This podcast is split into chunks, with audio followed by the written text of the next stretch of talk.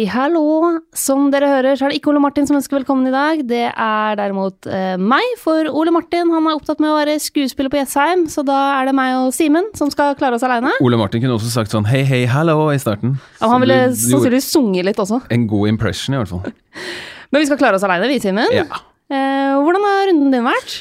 Øhm, nei, altså jeg ser for så vidt ganske lyst på livet nå, ja. Så det er ikke, ikke veldig bra og ikke veldig dårlig. Og det er jo egentlig ikke helt etter mitt manus. Jeg trodde jo siden jeg skulle begynne å ta litt sjanser og sånn at eh, jeg skulle ha høye topper og dype daler, men dette her er veldig stabilt nå. altså Nesten litt irriterende stabil form. Jeg gjorde ett bytte, og det var jeg veldig fornøyd med, men de ut og Trippier inn.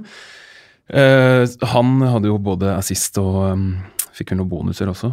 Um, så, så det var bra. Ellers så skårer spissene mine ett mål hver og en assist. Det er liksom sånn helt på det jevne. Ingenting Jeg får ikke kappa inn så mye, men det er grønne piler iallfall.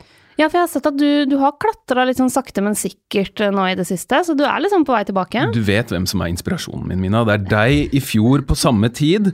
Um, det er jo sånn med store manager også, hvis man ser på de, de aller største, da, om det er eh, Klopp eller eh, Guardiola, Mourinho osv. De har jo henta inspirasjon et sted.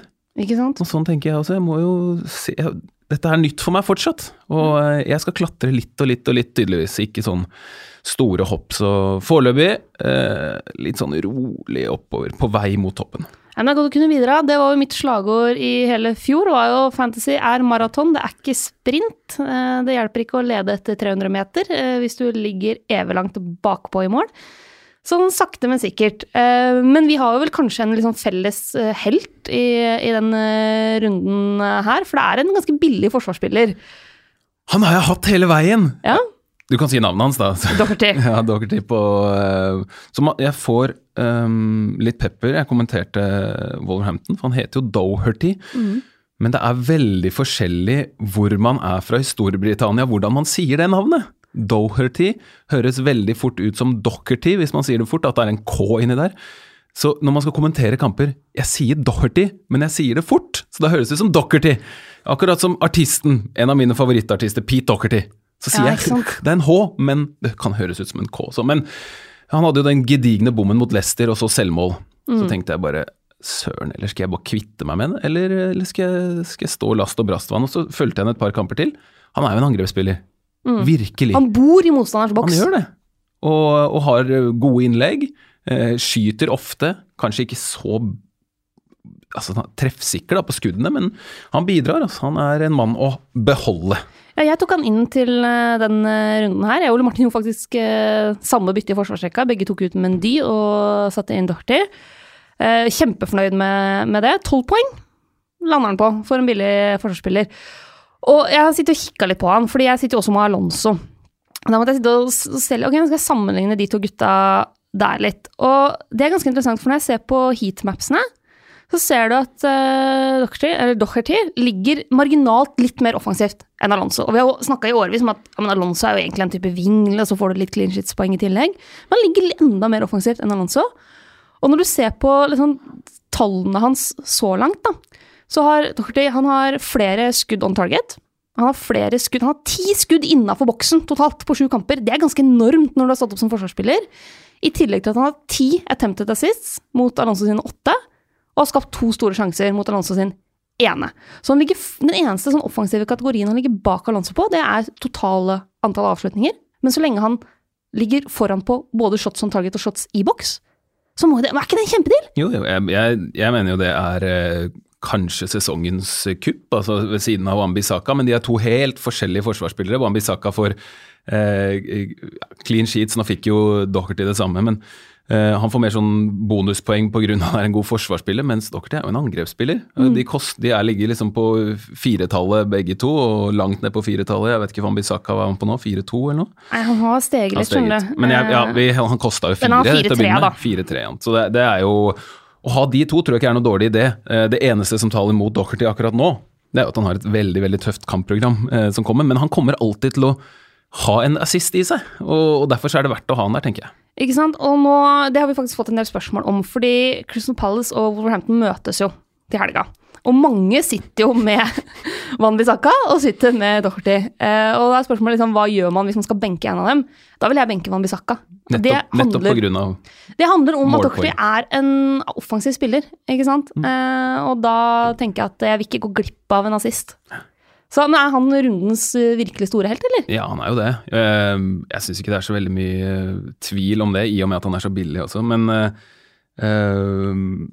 det var jo en runde hvor det ikke var de helt sånn store differansene. Mm. Det virker ikke sånn i hvert fall på mine ligaer.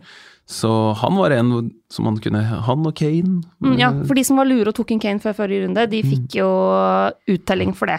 Og vi skal snakke litt mer om Kane etterpå. Eh, sånn kapteinsmessig så var det jo Kane, Aguero og Sala som var de mest populære. Jeg hadde Aguero, får med seg rekker akkurat en scoring før han blir bytta av. Helt utrolig. Og den scoringen også var ikke Ja. Det så bare, det virka som at han visste veldig godt hva som skulle skje. Hadde sett at eh, Gabriel Jesus sto der. Så tok han ballen fra midtbanen omtrent, dribla to mann, spilte en vegg.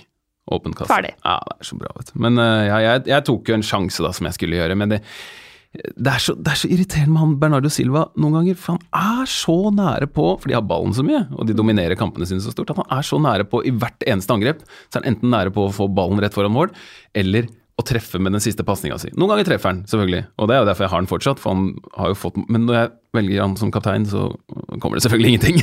Så da, da ender det på tre ganger to for meg på kaptein på Bernardo Silva, og det er jo, det er jo kjipt. Noen gambler eh, skal man ta uten at det helt gir uttelling, men Bernardo Silva er jo, spiller jo såpass bra nå at eh, han ser ut til å være temmelig fast for Pep. Mm. vi snakka mye om det før sesongen, at Pep hadde skrytt mye av han i preseason.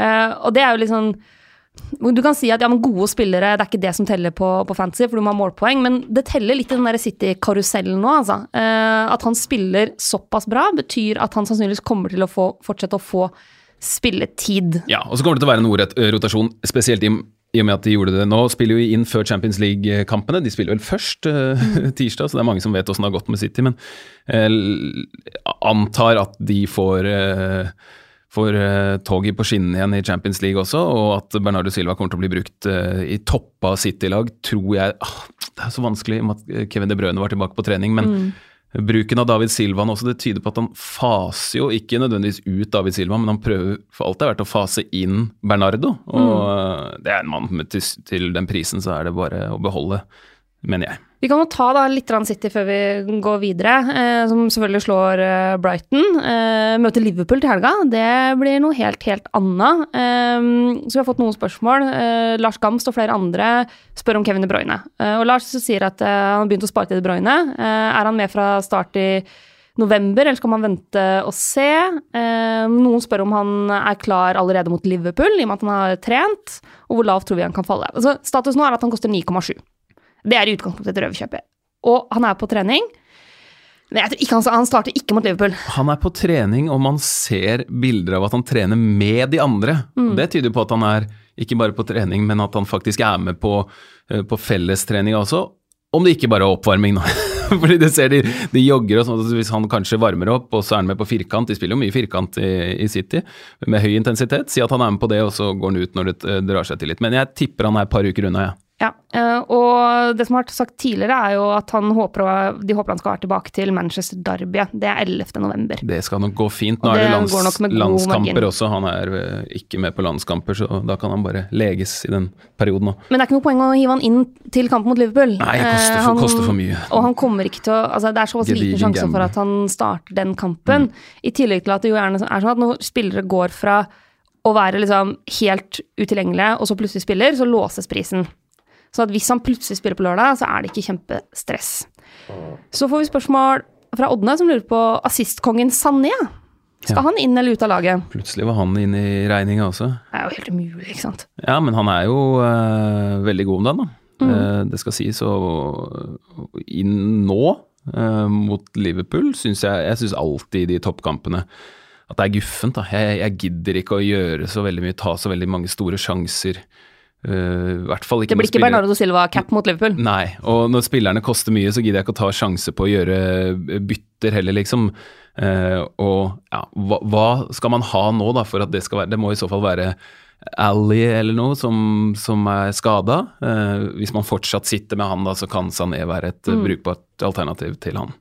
Jeg tenker at man i utgangspunktet holder liksom de City midtbanespillerne man har. Eh, altså, med, med, mindre man ikke har noe annet å bruke byttene sine på og tenker at Liverpool-kampen blir for tøff, men takke inn Sané nå. Stirling er jo i form igjen. Eh, han har jo en litt sånn uggen pris som har gjort at man ikke har Det er ikke så mange som har hoppa på det toget. Eh, jeg syns han ser veldig veldig spennende ut, og hvis jeg skulle tatt ut Sala denne runden her, så ville nok Stirling fort vekk vært den jeg ville tatt inn. Men igjen, hitte ut Sala ikke og nå. ta inn Stirling eh, når Liverpool og City møtes? Nei. Og det er, eh, det er, dårlig timing å ta ut uh, Salah. Jeg skjønner hvis folk har lyst til det, og de ser, de ser at han brenner sjanser og sånn. Ganske likt som i fjor, på samme tid. Uh, nå tror jeg ikke at han kommer til å fly like høyt uh, denne sesongen som han gjorde i den forrige. Jeg tror det var et engangstilfelle at, være, at, han skulle være så uh, treffsikker og ha så god selvtillit. ikke sant? Men, men uh, Huddersfield, Cardiff, Arsenal og Fulham i kampene etter, uh, mm. etter, Manchester City, det lukter jo en fin rekke for Salah der. Definitivt. og vi kan jo ta litt Liverpool òg, fordi du har vært i studio i helga, Simen. blant annet på storkampen mellom Chelsea og Liverpool. Og jeg så at du blant annet hadde noen veldig fine inngående analyser av kroppsspråk og blikket til Hazard. Det kosa jeg meg ordentlig med. Eh, men har du lyst til å si litt om den kampen? Hva la du merke til sånn fantasy-messig? Eh, altså Hazard, for eksempel, da. Den formen han er i nå. Jo, altså, han, det, kan bare fortsette å si at han er ligaens beste spiller, og at han er, eh, han er kampens beste i, i, den matchen mot et ganske komplett Liverpool-lag. Eh, han er umulig fortsatt å ta fra ballen, og så er han enda mer rett på mål enn det han var før. Så eh, han er, sånn jeg ser det, årets eller denne sesongens Mohammed Salah, hvis mm. man kan si det på, på fantasy-språk. da. Eh, ellers så, så, tror jeg Sarri har funnet sin elver, og det er også interessant for, fantasy. Bare se på hvilke spillere han bruker. Det eneste spørsmålet er jo eh, kommer William til å være like bankers på laget med, med Pedros konkurranse.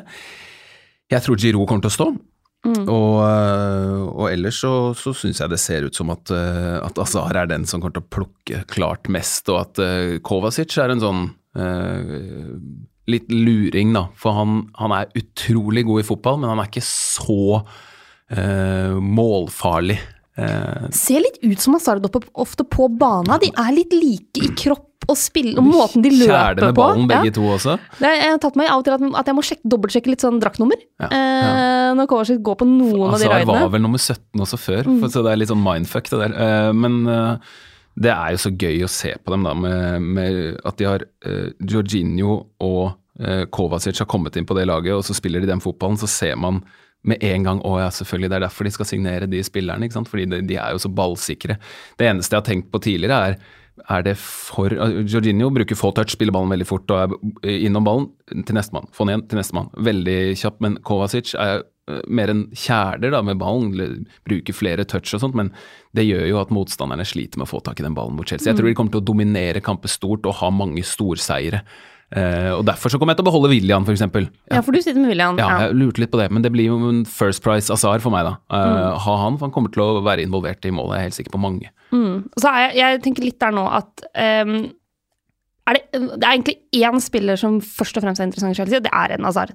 Det er første pri, hvis man skal ha noen fra, fra Chelsea. Uh, helt enig med deg der. Så lurer jeg litt på, for de Alonso Jeg syns Alonso har vært mindre offensiv i de siste kampene. Uh, og det er jo ikke så rart, uh, fordi jeg tror Sarri har gitt en beskjed uh, om at vet du hva, du må jobbe defensivt også. Og på den siden så har de jo spillere som er såpass gode offensivt at det er ikke alltid han trengs mm. der framme. De klarer det mer enn bra nok uten han, men det er jo en veldig spesiell kamp mot Liverpool. altså Det er en toppkamp.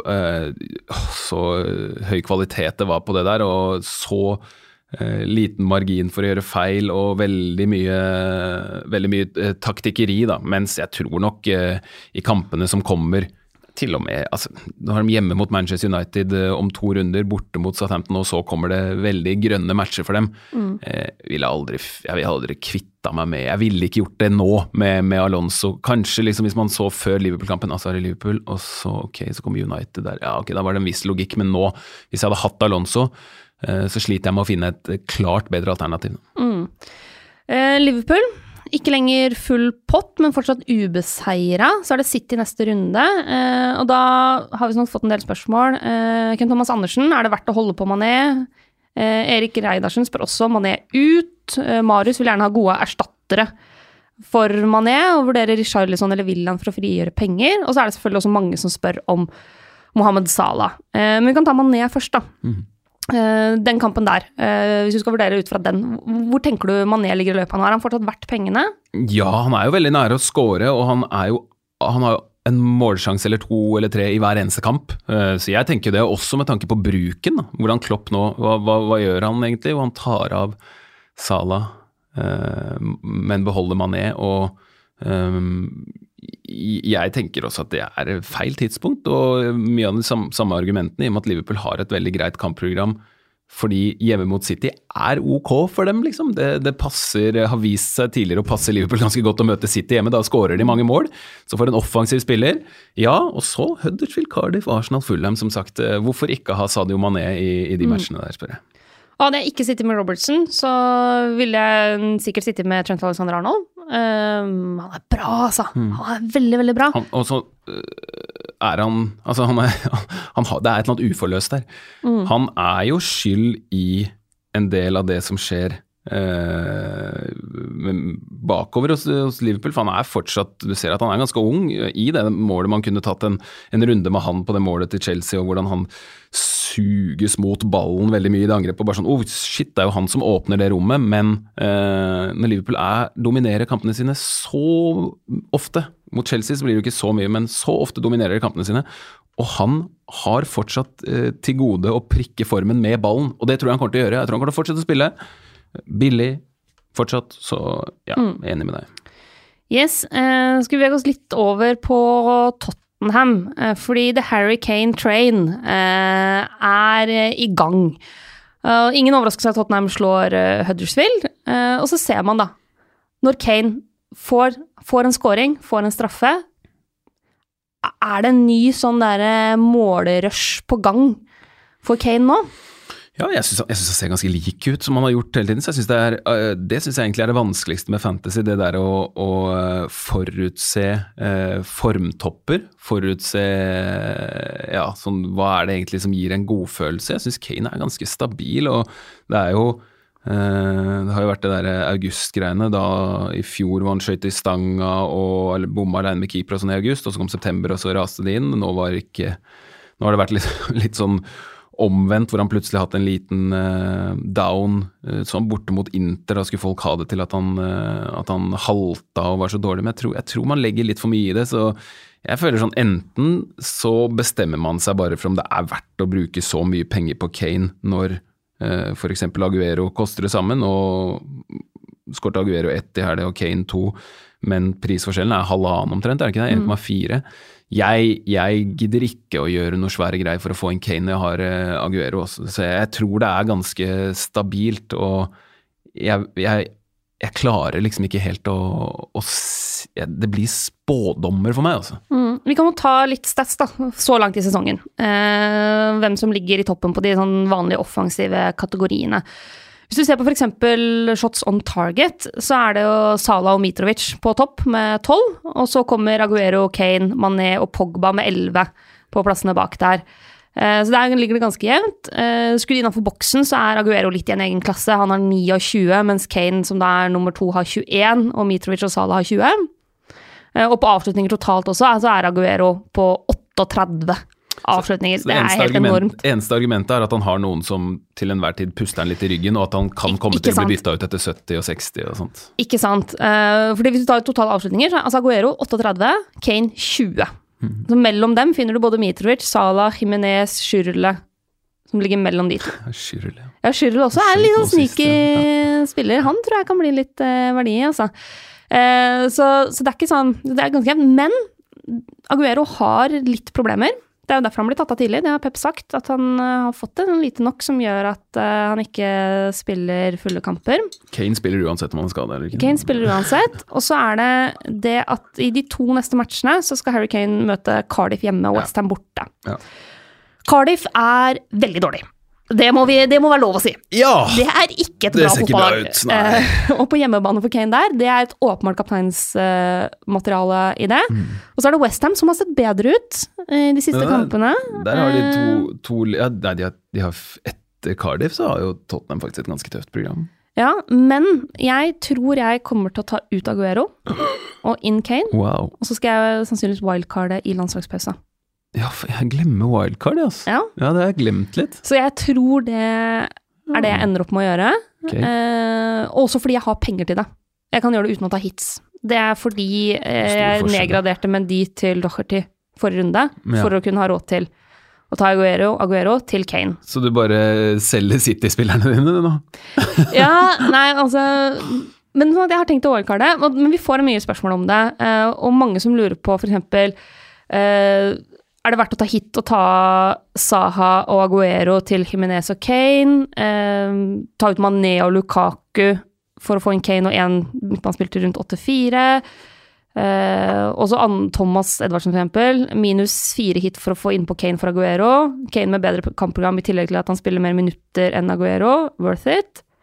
Og Johannes Østby som på Instagram som spør kan man vurdere triple captain på Kane hjemme mot Cardiff. Ja, det er jo tidlig, da. Så det er kjempedesperat. Så nei, jeg ville aldri i verden gjort det, i og med at eh, ja, vi vet jo Det er jo ikke altså, ikke alle som vet hvordan det, det funker og hva som er logisk, men triple captain bør jo altså All logikk sier jo at det bør brukes når Uh, disse double game weeks, to kamper på én runde, kommer, og at uh, Kane eh, da, Aguero da, Sala, da, vil være bedre valg enn nå. For eh, og det, en annen ting er jo Cardiff. Eh, nå kommer Tottenham helt sikkert til å slå Cardiff, men eh, Tottenham skal ha Barcelona i midtuka. Eh, det er slitsomt. Cardiff har tapt en, kamp som nesten føltes som skjebnekamp mot, mot Burnley, og så skal de spille bort mot Tottenham. Hvordan blir inngangen deres til den kampen? De kommer jo til å bare låse og være er, i kampen så bussen min. som mulig. Vær i kampen så lenge som mulig, og, og selvfølgelig hvis Tottenham leder 2-0 etter et kvarter, så, så, så Men hvor ofte, hvor ofte gjør man det, liksom? Ja. Da kan det bli 6-7, men eh, det tror jeg ikke noe på. Altså, jeg tror ikke det blir det. Jeg ville aldri i verden brukt opp triple captain nå hvis man har eh, seriøse planer utover sesongen. Jeg kommer heller ikke til å gjøre det. Eh, og jeg kommer sikkert til å bli kjempeskuffa nok en gang eh, når jeg bruker det double game week Ja. på en eller annen spiller som spiller totalt liksom 100 minutter. eh, og starter en av kampene som innbytter og spiller den andre, på en måte. Men jeg kommer til å vente. Men jeg tror sånn at jeg kommer til å ta inn Kane. Jeg er veldig usikker på om jeg F.eks. å ta ut Saha da, og Aguero. Eh, Jimenez syns jeg ser veldig fin ut. I den ordentlig billige spissklassen der, altså de som koster under 6 millioner, syns jeg Jimenez ser nydelig ut. Han har fine underliggende stats i et Wolverhampton-lag som er offensivt. Fått med seg assister nå i de siste kampene. Så det er ikke det at Jimenez er et dårlig valg, men du ser Saha nok en gang i går, da. Få med seg en scoring. Ikke sant? Han, han leverer så jevnt.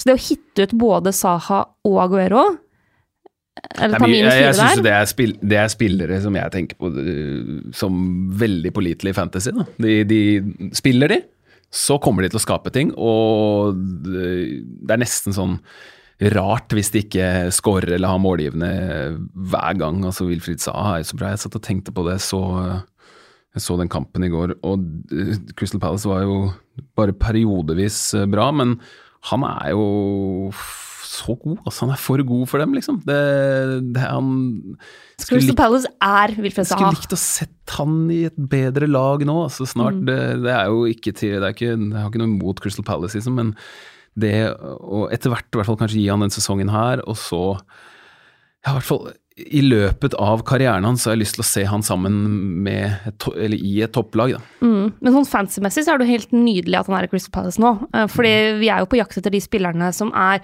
ekstremt sentrale, som alltid er involvert i målene. Og det er jo, han er jo litt den billige Eden Hazard. Du veit at sjansen, når Crystal Palace skårer et mål, så veit du at sjansen er 90% for at Saha har vært involvert. Enten med mål eller med assist. Nå er det assist nå sist, da. Ja, han er, eh, han er eh, en spiller som jeg, jeg har vært sånn i, i tvil nå, gjorde jeg på grunn av min gambling, da, og det er egentlig mer Uh, mer gambling enn fornuft at jeg tok inn Callum Wilson, fordi jeg så liksom tilbake i hans eh, karriere. Der dukker opp noen hat tricks der, og så tenkte jeg sånn, jeg vil ha et hat trick av han, og så skal jeg selge den. men nå har ikke det kommet til hat tricket, da, men ellers hadde jeg jo villet hatt kanskje i denne rekkefølgen, da, eh, Saha, Mitrovic, eh, Arnatovic. Der er det liksom sånn det er, irriterer meg litt at jeg ikke har noen av dem. Ja, det er fine de der, altså. Eh, og det er faktisk noe jeg har fått eh, spørsmål om eh, fra Mats Christian VM på Facebook, som sier liksom Sett at man er på wildcard nå, hva tenkes om å krutte midtbana med fem atomer og kjøre spisser som koster sånn fem til sju ish? Eh, og tro, to premiumforsvarere og tre i en liksom billigere klasse? Jeg syns det er en fin idé, når det er såpass mange av de billige spissene som leverer så jevnt, da. Det er jo Saha Nautovic eh, Mitrovic først og fremst, men Himinez eh, kan du også kaste inn i miksen der for å spare enda litt penger, og så dunke inn Hazard, Stirling og et par andre på midtbanen. Det er Nei, ikke dumt, det, altså. Nei, jeg bare jeg, jeg liker ikke å ikke ha en superspiss. Men la oss si du har én superspiss, da, Ja. og så har du to av de ordentlig, ordentlig billigspissene.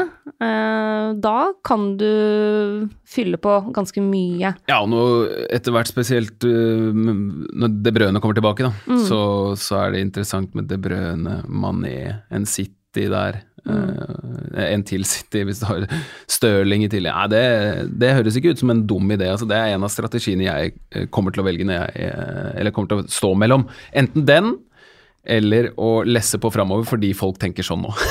og jeg Ja, må ta igjen litt. Og så er det også ganske mange av de her forholdsvis billige midtbanespillerne som leverer godt. Altså Madison eh, har jo levert jevnt og stødig. Du har Madison, har du ikke det? Nei, men jeg, jeg, jeg vurderer han Ja. veldig veldig sterkt når jeg Han- har Vardy, men han har bra Ja. program. Det har de begge to. Ja, ikke men Leicester har et veldig fint uh, program uh, framover. Det tenkte jeg at uh, det er verdt for folk å kikke litt på, altså. Jeg skal jeg skal hente det Everton opp her. hjemme, Arsenal borte, Westham hjemme, Cardiff borte, Burnley hjemme. Det, det blir offensiv eh, Leicester-dobling på meg, tror jeg. Jeg tror det blir Madison i tillegg til Vardy, som jeg har fra før av. Madison sent, veldig sentral i det Leicester-laget, eh, veldig involvert. Eh, Richarlison veit vi at kan levere. Mange hadde henta inn til en runde der, men der kommer det til å komme mål. Eh, så du har en del i den prisklassen der. I tillegg eh, så er det altså En av de som plukka mye poeng denne runden her, var jo Gylfi Sigurdsson. Han koster 7,3. Så han er eksempel litt billigere enn eh, Bernardo Silva, da. Og han har gått litt sånn i glemmeboka.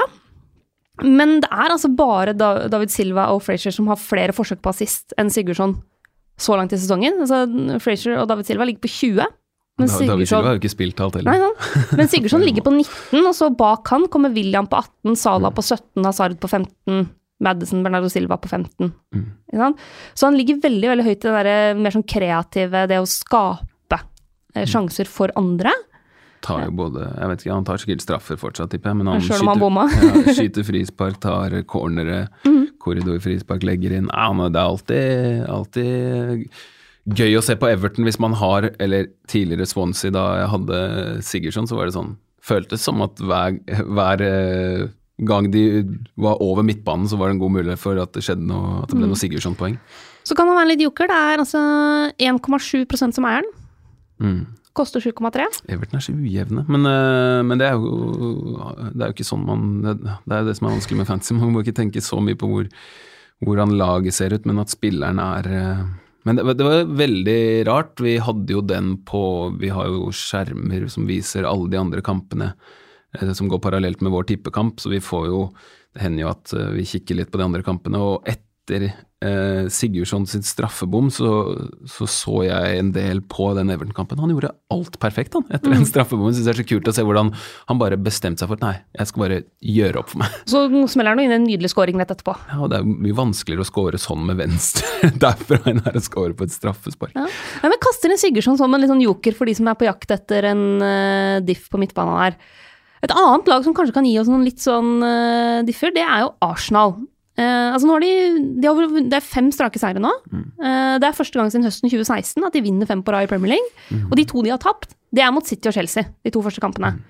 Og de har til og med holdt nullen i et par kamper nå. Er det verdt å satse på dem? Du var jo i studio på Arsenal-kampen nå. Eh, Hva er dommen over Arsenal Nei, eh, jeg nå? syns ikke de spiller så veldig bra, ja, men, men de får jo med seg mye, da. og jeg tror det er en liksom, gryende optimisme i Arsenal uansett om det ikke ser så veldig bra ut spillemessig, så, så tror jeg ikke det har så veldig mye å si. Spillere, eh, når de vinner kamper, så føler de nok ikke så veldig mye på eh, skuffelse for en, eh, en middels prestasjon. Det, det gjelder å vinne kamper, og Arsenal som hadde den fæle tida som de jo har hatt eh, tidligere, hvor, eh, hvor, de kanskje har følt at eh, de har fått litt lite ut av kampene sine, så får de veldig mye ut av kampene sine nå. Det er mange forskjellige som skårer mål, mange som bidrar. Det gjør det jo vanskelig eh, mm. med fantasy, da, for hvem er det egentlig som er, som er standout for dette Arsenal-laget? Offensivt, det er jo faktisk ingen akkurat nå. Jeg ville valgt Lacassette. Hvis da, jeg skulle valgt en offensiv Arsenal-spiller, så ville jeg valgt Lacassette. Han kommer til å starte.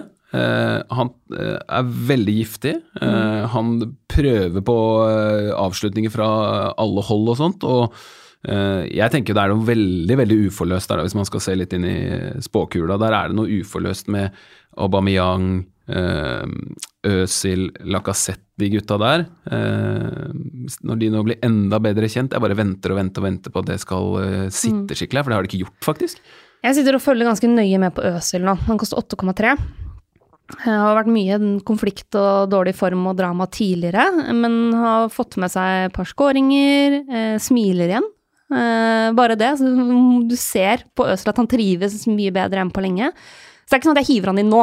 Det er for stor gamble. Men han er en av de jeg følger mest med på i kampene. Jeg kommer til å følge med både i Europaligaen og også i Premier League, hvis det løsner der. Eh, og så måtte jo Petter sjekke ut med skade, så Leno får sjansen. Eh, han koster 4,8 han begynte jo på fem blank, men nå er han nede på fire-åtte. Uh, siste nytt rundt Pedersek er det å komme på 29.9. Det var uh, I hope not more than maybe two or three weeks he can stay with this injury. It's muscular. Så der er det litt sånn lost in translation, men ikke en veldig alvorlig skade på Pedersek. Men er det sjansen Leno har venta på ja? Ja, men jeg er uansett uh, veldig skeptisk til om Arsenal kommer til å rade opp clean sheets. Altså. De, de, de, hadde jo Det var jo Peter Cech sin men var det, de, eh, det var ikke denne matchen, men var det den forrige hvor han var ute og redda og kanskje var banens beste, og så i denne så, så har jo Watford det var Watford de spilte mot, jeg går sur, men jeg tror det var Watford mm, de spilte mot nå, som har store sjanser, da, og eh, det er jo fortsatt litt eh, hullete bak der og Jo, men, men Leno er da billigere enn eksempel Han billigere enn Pickford, billigere enn uh, Schmeichel, da. Mm. Så det kan, hvis man sitter med wildcard, mm. f.eks., og har lyst til å gi Leno sjansen nå Jeg ville ikke gjort det, men, eh, men, det er egentlig bare basert på det akkurat så jeg syns, eh, jeg syns Arsenal så Generelt så sliter jeg med å finne alternativer fra Arsenal, men, eh, mm. men defensivt så syns jeg i hvert fall at hvis man ser bak de resultatene, da, så er det fortsatt veldig mye å gå på defensivt der. Så er det Sedgy Bergo, som uh, sier at han sitter virkelig i Mykhtarian-saksa. Hvem skal inn for han til neste runde? Til samme pris eller mindre. Uh, Mykhtarian er jo ute av det.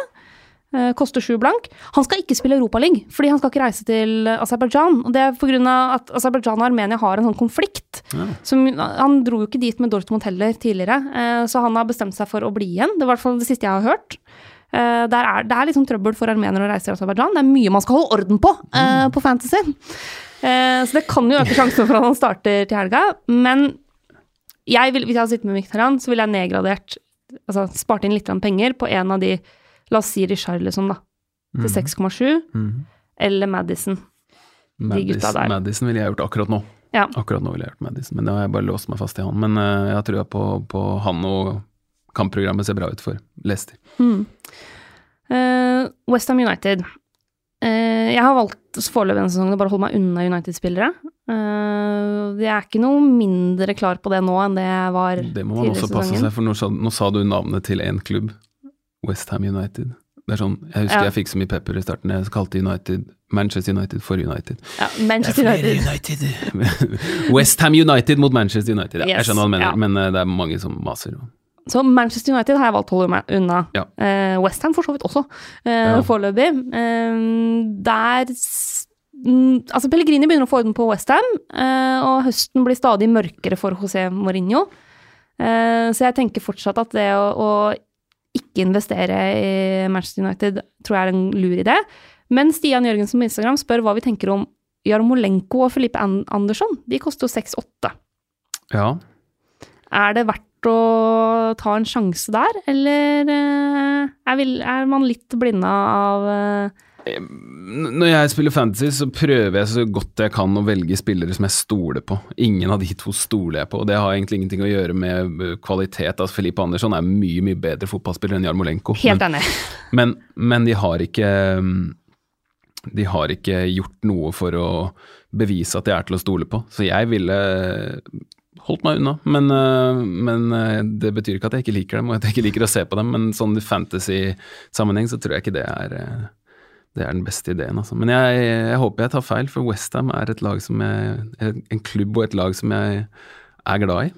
Mm. Så jeg håper de gjør det bra. Men de siste både ja, hva skal jeg si, de seriestarten og de siste årene har vel liksom gjort alt annet enn å gi meg tru på Westham. Mm. Men jeg håper det, det ser, det ser, bra ut, og mye av nøkkelen er jo at den midtbanen plutselig De finner ut at ok, her må det faktisk kriges. Det kan ikke, vi kan ikke tro at vi er noe vi ikke er. Her må det kriges. Og Declan Rice som har kommet inn der og bare mm. proppa igjen den midtbanen. Og at Mark Noble plutselig, plutselig ser ut som uh, som Roy Keane der, det er jo det er, det er, jeg, så, jeg, så kanskje ikke helt den komme heller. Eh. Nei, det, det, kom litt overraskende for mange, tror jeg. Eh, og så tenker jeg at altså, hvis jeg skulle valgt mellom Jarmolenko og Filip Andersson, så ville jeg valgt Filip Andersson.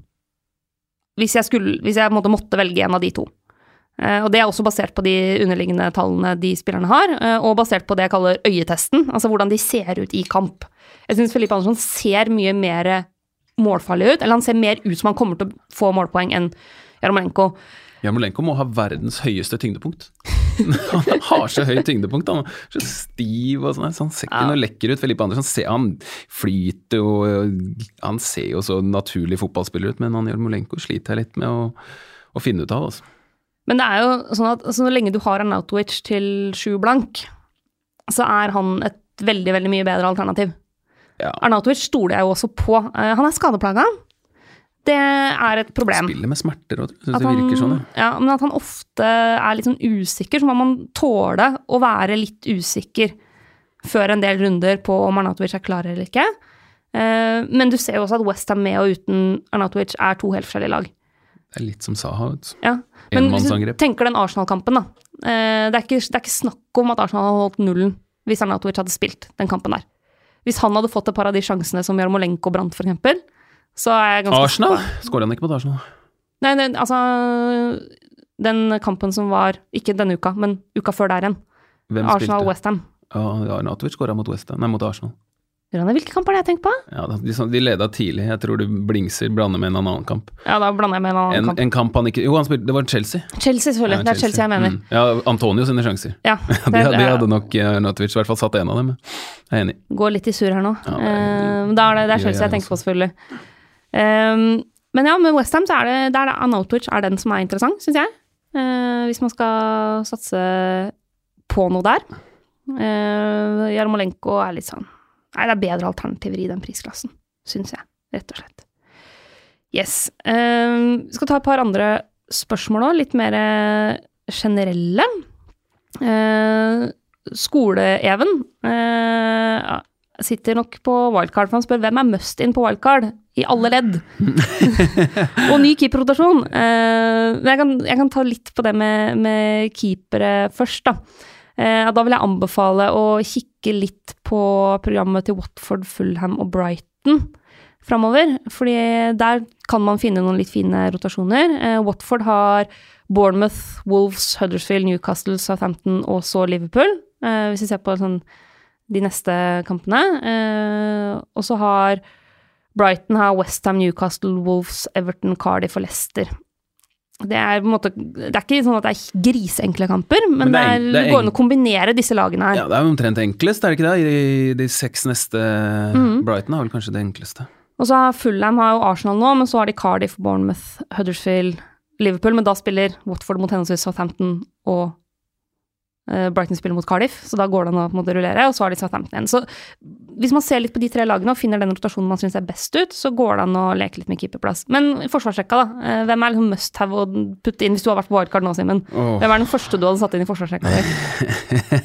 det er lov å si det, Horty. ja, jo, nei, jo, det tror jeg faktisk. Helt ærlig. At ja. uh, han er den første jeg hadde satt inn, i og med at uh, nå sitter vi her uh, før Champions League-kamper, og det er så veldig vanskelig å vite akkurat hvordan topplagene kommer til å eh, vurdere uh, rundt uh, Europacup, rullering De har jo store, gode tropper, nesten uh, alle. Så jeg, jeg, er jo altså Akkurat hvis jeg sier Dockerty ville jeg veldig gjerne hatt, jeg ville veldig gjerne hatt Alonso, jeg ville veldig gjerne hatt uh, Trippier. Mm. Jeg tenker at å ha enten helst begge Wambisaka og Doherty, fordi der er det så mye verdi i de spillerne, eh, at det frigjør ellers. Når man snakker must-have, så pleier man å tenke de største kanonene og de man forventer mest poeng av. Jeg tenker også hvem er det det er mest verdi i. Eh, og Det har vi også fått spørsmål om, liksom topp tre spillere verdt penger. Og der vil jeg ha inn Doherty som en av de, da. På midtbana så nominerer jeg Eden Hazard. Mm. Det følger jeg deg på. Altså Hvis man er på wildcard nå og ikke tar inn Eden Hazard, Da er det i så fall bare fordi at man vil gå, Da hater gå man imot Chelsea, alt. liksom. Ja, eller bare gå imot alt og tenke at Eller gamble på at han blir skada. Nei, men det er- bare å ha inn han, selvfølgelig. så syns jeg det er mange andre som er ganske likeverdige alternativer blant de litt billigere midtbanespillerne, men Eden Hazard er den som blinker seg ut som must have. Eh, og på topp, spissplass. Er det noen der vi tenker at man må ha hvis man sitter med et wildcard nå? Wildcard nå ehm, Den er jo Det er kinkig, for der kan man jo også tenke eh, verdi og, og få unna litt, så, så tenker jeg den, den mest verdifulle spissen til nå er vel uansett uh, hvordan man vil vende på det Mitrovic. Så eh, han skal vel i hvert fall være med i diskusjonen om den, den beste ideen på topp. Eh, og han har vel ikke vært plaga med noen skader eller skavanker. Du, du venter jo på at han skal få et rødt kort, eh, men, eh, for det kommer jo til å skje på et eller annet tidspunkt. Ja, men han har det der Eh, Diego Costa-greiene i seg at han vet akkurat hvordan han kan, han kan være så gæren som bare det uten å få det røde. Mm. Han kommer til å få gule kort, det er jeg helt sikkert. Nei, jeg tror at Hvis jeg hadde sittet på wildcard nå, Kane. så er det ikke snakk om at jeg ikke hadde hatt en Kane. liksom. Det er, den er så soleklar, den. Eh, og, og han er lett å Når programmet blir tøffere, så er han veldig lett å gå, gjøre tilbake igjen til Aguero uten store problemer. Um, men, men det- som du sier, det er jo Champions League-kamper nå i midtuka. Jeg kommer ikke til å gjøre noe bytter før uh, Champions League-kampen er spilt. Jeg, selv om Kane kanskje stiger i pris, og kanskje andre synker i pris, så gjør jeg ikke bytter før så store matcher. Uh, Jeg gidder ikke å bruke et bytte på en spiller som ender opp med å brekke beinet, liksom. Ja. Nei, det man, hvis man Kane er jo en investering i uh, trygghet, da. jeg, I går så kjøpte jeg en ny iPhone etter at jeg hadde hatt Jeg så faktisk et bilde av han uh, Luka Modric av samme iPhone som han ble liksom hengt ut på Instagram fordi han hadde en iPhone hva er det for noe? 5 S- SE heter en iPhone SE, men jeg liker så godt den størrelsen. da. Poenget mitt er uansett at Ja, for nå er jeg eh, spent. Ja, jeg, jo, jeg, jeg tenkte bare, hvorfor i alle dager skal jeg ikke ha den her, liksom? Den er så deilig og sånn. Men um, det var ikke nok sånn minne på den. Så jeg må drive og det irriterer meg hele tiden at jeg må drive og gjøre forandringer inn på telefonen og sånn. Men så kjøpte jeg en sånn iPhone 8 i stedet, for da vet jeg at da kan den bare være der, og så trenger jeg ikke å bekymre meg noe for den. Ferdig. Den, den gir meg glede. Fint, flott. Da trenger jeg ikke å tenke noe mer på det. Så får det heller være at, eh, at størrelsen var litt stor. Og det er sånn du tenker på Kane òg, antar jeg? Ja, ja, ja. Ja. At du, du vet, altså Du går fra noe som er litt sånn irriterende og sånt, til å gjøre noe du vet kommer til å levere for deg. Det, Ja. det er en investering. Litt over tid så må man ikke tenke så mye på den, den bare er der, den. Og da gidder man å vente til i morgen, Ja. og at han er ferdig med å møte Barcelona. Ja, Før man kjøper. Ar argument, altså jeg er jo Jeg mener jo man ikke burde ut med Aguero inn med Kane, men hvis jeg hadde vært på et wildcard, så, så tror jeg kanskje at det er Kane jeg hadde valgt. Så, Mm. Akkurat nå, i hvert fall. Så får vi jo mye spørsmål om, om wildcard generelt. Jeg vil jo si da, For dere som allerede er på wildcard, eh, så er det sikkert gode, gode grunner til det. Eh, jeg kunne ha wildcarda nå eh, og argumentert godt for å bruke det, men nå er vi én kamp unna landslagspause og Nations League. Eh, da veit man aldri helt hva som skjer. Sånn at eh, hvis man kan holde det wildcardet en runde til, hvis man klarer det, så ville jeg gjort det, altså. Fordi da har du en landslagspause, da har du god tid til å tenke. eh, Og du får sett en del av spillerne i aksjon. Du får sett hvilke spillere som ikke er med i landslagsdiskusjonen i det hele tatt. Hvilke spillere som kanskje er på vei tilbake fra skade. Og man unngår Altså hvis man plutselig får en del skader i løpet av landslagspausa, så kan man rette opp i det. Hvis man allerede har brent wildcardet da, og plutselig har tre skada spillere, så er det å be om bråk. Så jeg er såpass feig at jeg vil vente til den uh, pausa. landslagspauser. Det har jo fått en litt ny dimensjon for meg nå, eh, i og med at både vi jobber med det, jeg syns jo bare det var helt pyton men at vi jobber med det, og at uh, man kan wildcarde, så man kan sitte og kose seg litt på fantasy underveis i, i landslagspauser som, la oss være ærlige, er litt kjedeligere enn enn de vanlige helgene. Så jeg fikk litt lyst til det nå, når du snakker om det å kanskje ta en wildcard på neste, neste landslagspause her. Eller så er det én i november, var det ikke det? Jo, jeg tror det er, det er jo Nations League. Mm. De bolkene kommer, ja. September. Midten av oktober, midten av november. Og det også en tilleggsdimensjon at uh, et par av de litt sånn større fotballnasjonene ser ut til å satse litt ordentlig på Nations League. Et lag som Belgia, for eksempel, da, som har det her stempelet om at de aldri har vunnet noe. De skal bygge en vinnermentalitet internt i laget. De har stilt ganske sterkt i en del kamper i Nations League, sånn at det er ikke sikkert at du får de her eh, landslagskampene hvor ingen av stjernene spiller. Eh, Det er større sjanse nå enn tidligere for at folk som Eden Hazard spiller de landslagskampene. Så nei, jeg vil vente.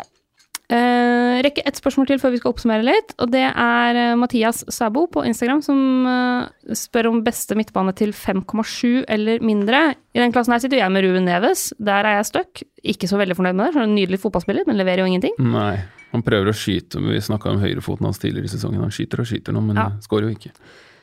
Men jeg har sett litt på et par i den klassen her. Da. Du har jo Anthony Kennockert, som vi snakka litt om forrige episode. Så har du jo Brooks i Bournemouth. Uh, Aron Lennon uh, meldte Espen Ven forrige episode. Det har jeg ikke så mye tro på.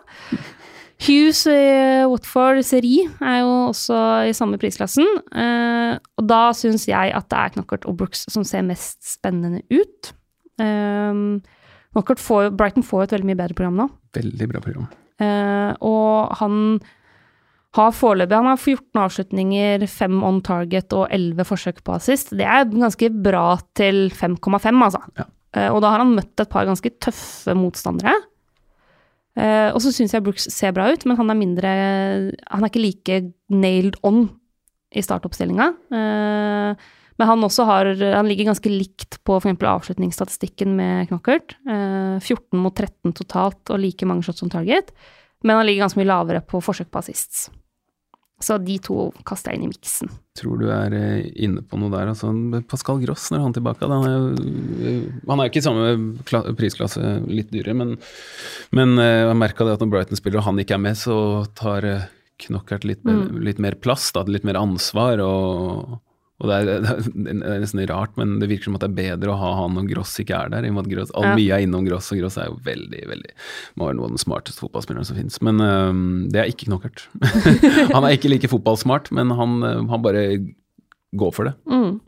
Jeg syns han til 5,5 Ja. verdt å ta en sjanse på. Ja. Bytter, Simen, har du landa på hva du skal gjøre denne uka her? Mm, Lander ikke ennå. Nei, venter til Champions League. Ja. Min foreløpige plan er å ta inn Kane fra Aguero, uten å ta noe hits. Men jeg gjør heller ikke noe før Champions League er ferdigspilt, og Europaliga er ferdigspilt. Eh, men hvis jeg gjør det byttet, så blir nok Kane eh, min kaptein. Mm. eh, hvis det ikke blir Eden Hazard. Har du landa på en, Eller har du noen kapteinstanker foreløpig? Um, nei, jeg syns det er uh, Akkurat nå så, så ser det faktisk ut som at det blir Vardi, men uh, Oi! Men uh, vi får nå se hva jeg gjør med, med byttet mitt osv. Jeg har, eh, som jeg var inne på, lyst til å få inn uh, Madison, da, men da kan det hende at jeg må ta noen grep som jeg ikke har lyst til å ta. Så nei, jeg har ikke helt, uh, helt landa. Men akkurat nå ser det ut som uh, Vardi, men det kan fort bli Sala, altså. Mm, hmm, interessant.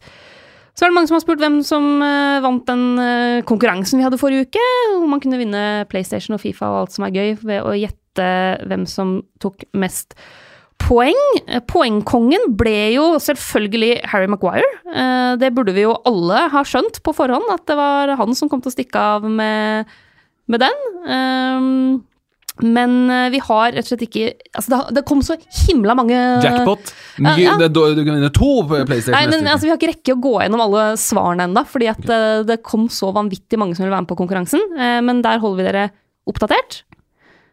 Nå må du stikke videre, Simen. Må du ikke det? Du, nå blir det Champions League-studio. Ja, eh, så det er alt vi rekker for denne gang. Men det er jo nettopp mulig å scoute mange mulige signeringer i Champions League i kveld, Mm. Champions League i morgen og Europaliga Kikk på litt torsdag. ekstra på når spillere blir tatt av osv. Selvfølgelig. Og, og eh, se også på, eh, på, på laguttakene i Europaligaen på torsdag. Det, Chelsea og Arsenal. Jeg tror ikke Chelsea kommer til å forandre noen ting til neste kamp, men Arsenal blir jo interessant da med tanke på Mkhitarian osv. Mm, så følg litt ekstra med der. Eh, Det blir veldig, veldig deilige kamper. Ja, nå er det mye bra. Nå er det jo fotball. Det er så mye bra fotball hele tiden. At. Det er bare å kose seg. Det bare, altså, livet er så deilig for oss som elsker fotball om dagen. Så lykke til da, folkens, og så snakkes vi.